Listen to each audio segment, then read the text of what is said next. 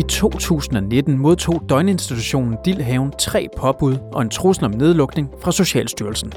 En væsentlig årsag hertil var en manglende fælles pædagogisk retning på stedet. Der var ikke noget klart pædagogisk fundament eller grundlag at arbejde på, hvilket også førte til, at de unge havde en oplevelse af at ikke at have den tryghed i mødet med personalet. Af den årsag valgte man, at low arousal skulle være det nye fælles pædagogiske fundament på Dildhaven. Ja, altså low arousal-pædagogikken kan hjælpe os voksne til at få øje på, at de unge prøver faktisk at løse deres problemer. Vi skal jo så hjælpe dem til at træffe gode beslutninger. Vi skal hjælpe dem til at komme i lavere arousal.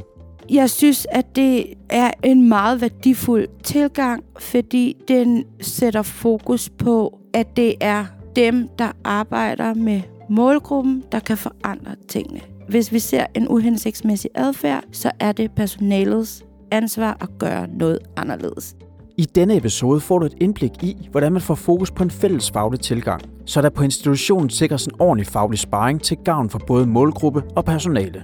Det er vel også en kæmpe bekræftelse at finde ud af, at det vi går og gør rent faktisk virker. Det skaber øh, resultater. Du lytter til Socialpædagogernes podcast, der er en del af vidensuniverset Faglig Fokus. Dillhaven er jo et sted, hvor forskellige unge er anbragt. Vi har plads til 11 unge, og det er så øh, 10 pædagoger, der arbejder her i dag, aften og døgnvagter, og så har vi to vågne nattevagter. Det er en god flok vikarer. Katrine Pedersen har siden sommeren 2022 været leder for Dillehaven. Men i årene før, under arbejdet med implementering af Low Arousal, var hun almindelig socialpædagog, men dog i funktionen som koordinator. Det vil sige, hun hjalp med ledelsesopgaver og arbejdede tæt sammen med den daværende leder Flemming. Vi er en lille kommune, så derfor er det en god blanding af forskellige unge, mænd, som har det til fælles, at de har haft nogle svære betingelser i deres familier. Og hvor vi prøver at skabe et hjem og en hverdag, som danner grobund for trivsel og udvikling for de her unge, der kommer fra nogle svære opvækstvilkår. Før Dillhaven i 2020 gik i gang med arbejdet med at implementere en ny pædagogisk metode, herskede der en stor grad af forvirring og konflikter på stedet.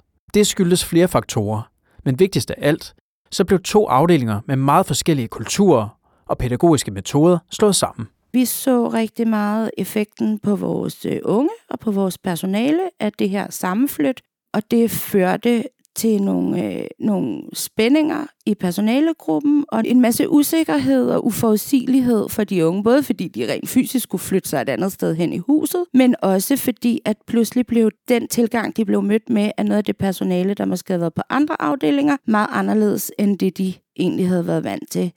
Øh, og der var ikke noget klart pædagogisk fundament eller grundlag at arbejde på, hvilket også førte til, at de unge havde en oplevelse af, at ikke at have den tryghed i mødet med personalet.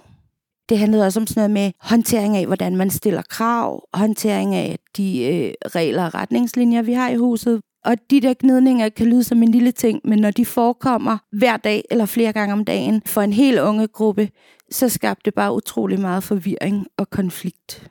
Og det førte til, at øh, altså meget bagtaleri af pædagogerne, men også at, at mange af de unge begyndte at og ikke har lyst til at være her.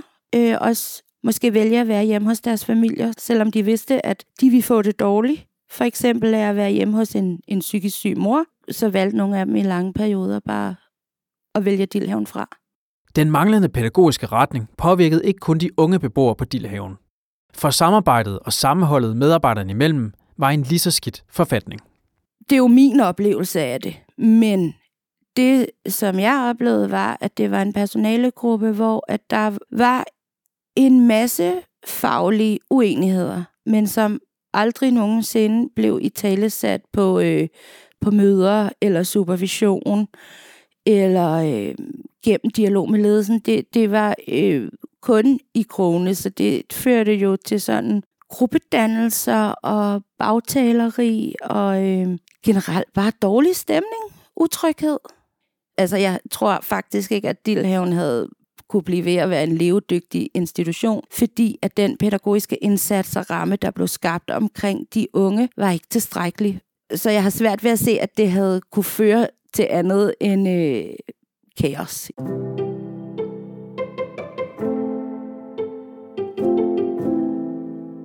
På grund af udfordringerne vælger Dillhaven i starten af 2020 at tilknytte psykolog Sune Bjørn Larsen som supervisor i arbejdet med at skabe et fagligt fundament og et pædagogisk grundlag på baggrund af low arousal. Jeg bliver kontaktet af ledelsen fra Dillhaven, som fortæller, at der øh, er nogle alvorlige problemer på Dillhaven, øh, både organisatorisk, øh, og når der er organisatoriske problemer, så er der også pædagogiske, faglige problemer, fordi der er typisk ikke personale nok, øh, der er ikke øh, kontinuitet nok, det har ikke været der lang tid nok, og det var også sådan en institution, jeg mødte øh, de første gange, jeg var derude. Det, jeg mødte indledningsvis, og det møder jeg egentlig tit, det var, at øh, vi snakkede relativt lidt om øh, beboerne. Og det er altid et faresignal, øh, fordi at det drukner meget i organisatoriske forhold. Det drukner meget i, øh, i øh, kollegiale forhold. Og øh, det er selvfølgelig et faresignal, fordi vi, så bliver vi optaget de forkerte ting. Vi får ikke øje på, hvad det er, vi skal hjælpe med. Folk bliver sådan set slugt i deres øh, afmagt. Det går hurtigt op for Sune, at medarbejdergruppen ikke er vant til at dele deres udfordringer i hverdagen. Så et vigtigt fokus helt fra start bliver at få de enkelte socialpædagoger til at fokusere på deres egen sårbarhed. De første gange går jo sådan set med, at jeg fortæller om, hvad er low arousal, men i lige så høj grad opbygger tillid til personalet. Jeg bad dem for eksempel om at bidrage med nogle cases i starten, fortælle, hvad er på spil, og det var der en øh, stor tilbageholdenhed med. Øhm, og det fortæller mig noget om, at der er en sårbarhed, en, øhm, følelse af øh, utilstrækkelighed, en følelse af, øh, at man er bange for at dele, at man er bange for at være sårbar. Og hvis vi ikke kan det som personale, øh, så kan vi heller ikke hjælpe de unge. Øhm, så derfor så går de første gange jo med at skabe en tillid, vise dem, at jeg behandler deres øh, input med respekt og ydmyghed, øh, deres afmagt først og fremmest, for jeg oplevede, at der var rigtig meget afmagt. Øhm, de vidste simpelthen ikke, hvad de skulle gøre med de unge. De øh, havde ingen følelse af at stå sammen om det. En af de socialpædagoger, som sad rundt om bordet ved Sunes undervisning i Dillehaven, var Hans Bryn. Og han fortæller, at et af de største ønsker for medarbejdergruppen var at have fokus på netop sårbarheden. Så ville vi gerne have tilvejebragt et, øh, et, et, et, et trygt øh, miljø omkring det at turde stå ved, når vi bliver usikre når vi ikke er sikre på, at det, vi har gjort, var det nu den rigtige vej, eller var det ikke den rigtige vej. Øh, at forvente på alle leder og kanter. Der er dilemmaer. Jamen, på den ene side kan man forstå det sådan, på den anden side kan man forstå det sådan. At få skabt et miljø, hvor det bliver naturligt at tale om de her ting. Fordi hvis vi påstår, når vi har med 8, 10, 12 forskellige unge at gøre med så voldsomme problematikker, at vi ikke gang på gang føler os udfordret. Gang på gang naturligvis kommer i tvivl, om det nu giver mening. Det, som gav mening for den ene unge, giver det nu mening for den anden unge, eller skal vi tune den her? Altså, og den måde, jeg fik sagt tingene til den unge på, var det nu lige den mest hensigtsmæssige måde at sige det på, eller kom min egen lille ej, øh, djævel med hornene øh, frem i måden, snærten af ordvalget lige blev serveret, og så videre, så videre. Det er det, der sker for alle mennesker i alle sammenhænge, når mennesker er sammen. Og det sker gange 100, når man arbejder med den her målgruppe. Så derfor er det meget vigtigt at få tilvejebragt den der tryghed, og se på usikkerheder og dilemmaer, og så videre, og så videre. Katrine Pedersen husker også tydeligt, hvordan de første snakker om sårbarhed, og det at turde dele erfaringer, gjorde en enorm forskel. Jeg kan huske de første to-tre undervisningsgange der, hvordan stemningen i det rum simpelthen bare blev åbnet op, så alle fik mod på at dele de situationer, de havde stået i, som også havde været svære. Så, så det, der gik op for, for mig i det rum, og, og også for det andet personale, er jeg sikker på, var, at det er okay. Altså, vi skal bare kunne snakke om det og komme videre, evaluere på det og gøre det bedre næste gang. Hvis vi lægger låg på og lader som om, at det her det er nemt, eller det er noget, vi bare altid kan komme i mål med, eller selv hvis vi gør det rigtigt, at det så altid virker, så kommer vi simpelthen ikke i mål med at forbedre og kvalificere vores praksis. Jeg beder dem om at fortælle om deres øh, cases, øh, hvad de tumler med, hvad der er vanskeligt ved dem, og så hjælper vi jo alle sammen med at finde ud af, hvordan er det, de unge de prøver at løse deres problemer, som giver nogle problemer i deres liv, som gør, at det ikke, de ikke lykkes. Men jo lige så høj grad øh, fokuserer på de voksne, altså pædagogernes øh, problemløsningsstrategier. Hvad er det, de gør for at løse det problem, de står med i deres afmagt? Og der sker det forunderlige ofte, når man arbejder med lower arousal, man starter med at kigge på de unge, og så ender man med at have ret meget fokus på sig selv og dele ind i den sårbarhed. Hvad gør afmagten ved os? Og det er jo fordi det her med, at affekt det smitter. Øhm, så når vi er i afmagt, jamen så, øh, så er det jo også øh, noget data om, at der er noget afmagt, der florerer i, i rummet, der florerer relationelt. Øh, og det skal vi jo arbejde med. Det skal vi jo bruge som data ind i, i det pædagogiske arbejde. Men det kræver selvfølgelig en sårbarhed og et, øh, en respekt og en ydmyghed over for det, der bliver sagt i rummet, og man tager det alvorligt. Jamen altså, vi, vi stillede os ikke hver især, men øh, stille og roligt hen ad vejen øh, til rådighed for øh, at smide vores egen usikkerhed på bordet. Og de usikkerheder og dilemmaer, dem kommer vi alle sammen i. Og hvis ikke vi tør tale om dem, så har vi ikke mulighed for at blive klogere på, hvordan kunne det også gøres, eller var det godt nok, eller hvordan kunne jeg tune den næste gang. Afmagt er sådan en fast følgesvend i det her arbejde, og det skal man altså have arbejdspladser, der der er gearet til, øh, og det skal man være, have et fællesskab, der, der kan håndtere. Igen, det er ikke bare okay at føle afmagt. Det er, øh, det er nødvendigt at øh, kunne sætte ord på det og kunne tale om det, fordi i det ligger jo kilden til øh, at finde ud af, hvad er den pædagogiske kerneopgave. Og det skal vi jo så kunne tale om. Og så skal vi kunne tale om, at det er jo ikke bare mig, der har svært ved det. Det er jo en pædagogisk opgave, som vi skal hjælpe den unge med. Så den afmagt, vi oplever, er jo et udtryk for, at den unge har brug for hjælp til et eller andet. Og øh, det skal vi jo tage alvorligt, snakke om det, lave handleplaner, hypoteser, teste dem af. Hvad virkede i går? Hvad kunne virke i morgen? Og det er jo det hårde arbejde, som, øh, som det specialpædagogiske arbejde består i. Fokus på ens egen sårbarhed og afmagt er en væsentlig del af low arousal. For man skal lige så meget kigge indad som udad, når man går til det socialpædagogiske arbejde ud fra low arousal. Grundtanken er, at pædagogikken skal tilpasses den enkelte, så uhensigtsmæssig udadagerende adfærd, altså high arousal, så vidt muligt undgås. Det fortæller psykolog Sune Bjørn Larsen. Når vi kigger på, hvad der kan presse de unge, så skal vi for alvor tage detektivbrillerne på, øh, fordi det kan være helt uden for vores fatteevne, hvad det er, der presser en ung. Øh, både fordi de er unge, og det er vi ikke mere, øh, men også fordi de øh, kan have diagnoser, øh, problemstillinger, sociale problemstillinger, som, som du og jeg ikke har haft. Der er selvfølgelig noget hormonelt, øh, som sker i puberteten. Så selvfølgelig er det okay at være teenager og have følelserne uden på tøjet, øh, det er da klart. Men nogle af de problemstillinger, vi snakker om, er jo også kriminalitet, det er misbrug, og øh, der er også nogle konsekvenser, man ikke selv kan overskue, som vi jo som pædagogisk personale, som samfund jo skal hjælpe med at belyse og gøre tydelige. Og øhm, vi skal jo bare lære de unge at regulere deres arousal-niveau. Så godt pædagogisk arbejde handler jo også om, at vi jo hjælper den anden til at med at regulere deres arousal-niveau, så de kan træffe fornuftige beslutninger. På sigt er det jo målet, at vi hjælper dem til at selv at kunne regulere deres arousal-niveau. Low arousal kan bruges af alle, og både professionelt og privat. For vi har alle et arousal-niveau, som stiger og falder, og med det så stiger og falder vores kompetencer til at løse problemstillinger, bevare overblikket og kontrollen. Når man arbejder med low arousal, så arbejder man typisk ud fra tre principper. Jeg vil fremhæve øh, tre områder, der er vigtigt at fokus på. Det ene det er ansvar, det andet det er kontrol, og det tredje det er følelser som data. Når vi kigger på ansvar, så er det vigtigt, at øh, vi holder os for øje, at vi som voksne skal tage ansvar, fordi så kan vi påvirke.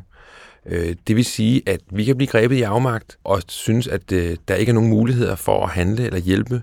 Øhm, og det er selvfølgelig en forlitterklæring, fordi vi skal være insisterende på hele tiden at få øje på, hvor er vores ansvar, hvad kan vi hjælpe med, hvad er det, den unge gør, som giver problemer, hvad er det for nogle problemer, den unge prøver at løse, hvordan kan jeg have forståelse, empati, anerkendelse for, at de faktisk prøver at løse deres problemer, at det bare ikke går særlig godt for dem.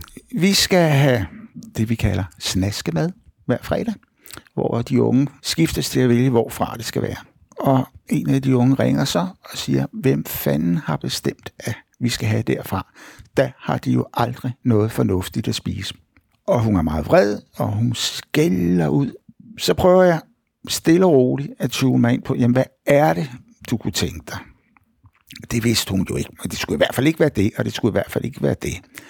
Men det, der sker undervejs i samtalen, det er, at den unge fra at have været meget, meget ophidset og vred og aggressiv, ender op med, ja, jamen, så vil jeg gerne. Fint, og så bestiller vi det. Altså, der kan man sige, hvem kan gøre noget ved situationen, når sådan et problem opstår? Det kan jeg. Jeg kan ikke forvente, at nogen kan.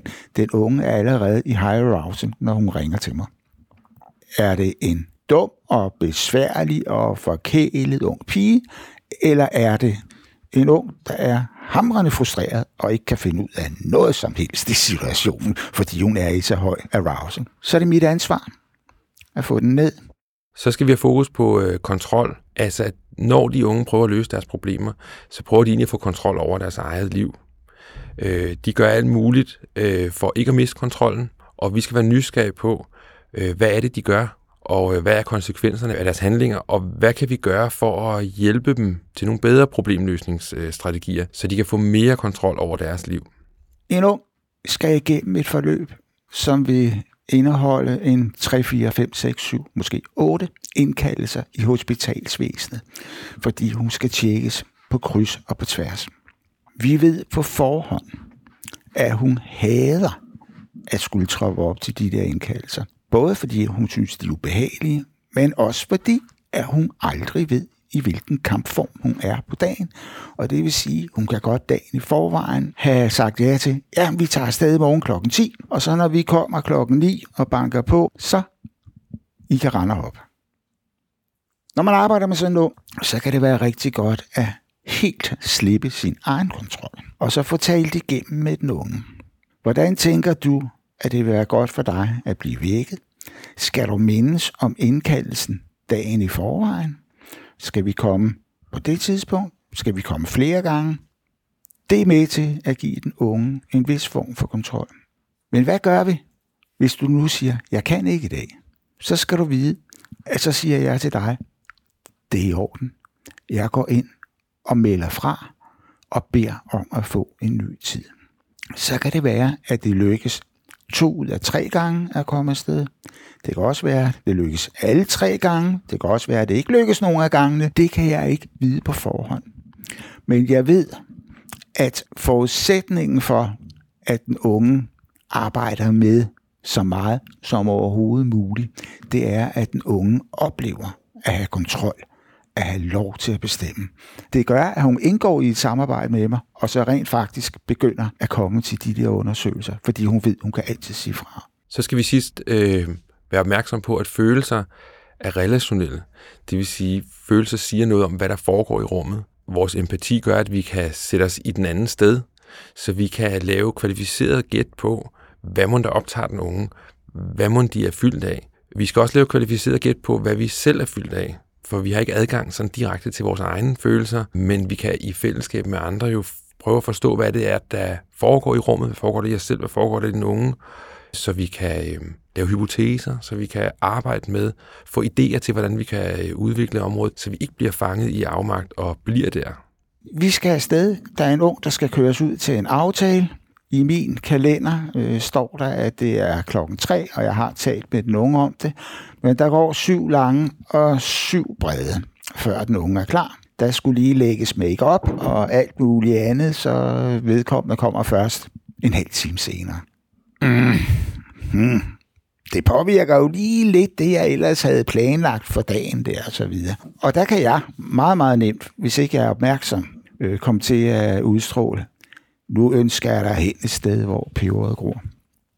Det vil ikke være specielt befordrende for hvordan det er at køre turen sammen med den unge.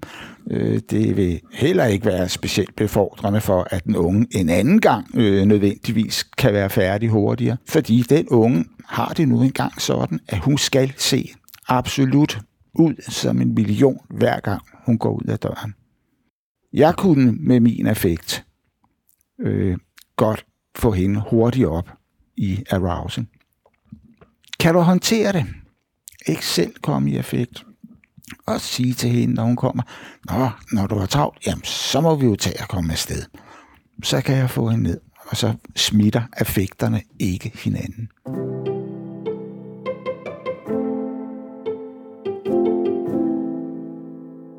I oktober 2021 udkom bogen Dilhavens vej til en bedre begrundet praksis. Bogen er det fysiske bevis på halvandet års arbejde med at sikre en bedre organisering og indførelsen af low arousal som ny pædagogisk metode. Samtidig er Sune Bjørn Larsen fortsat tilknyttet som supervisor.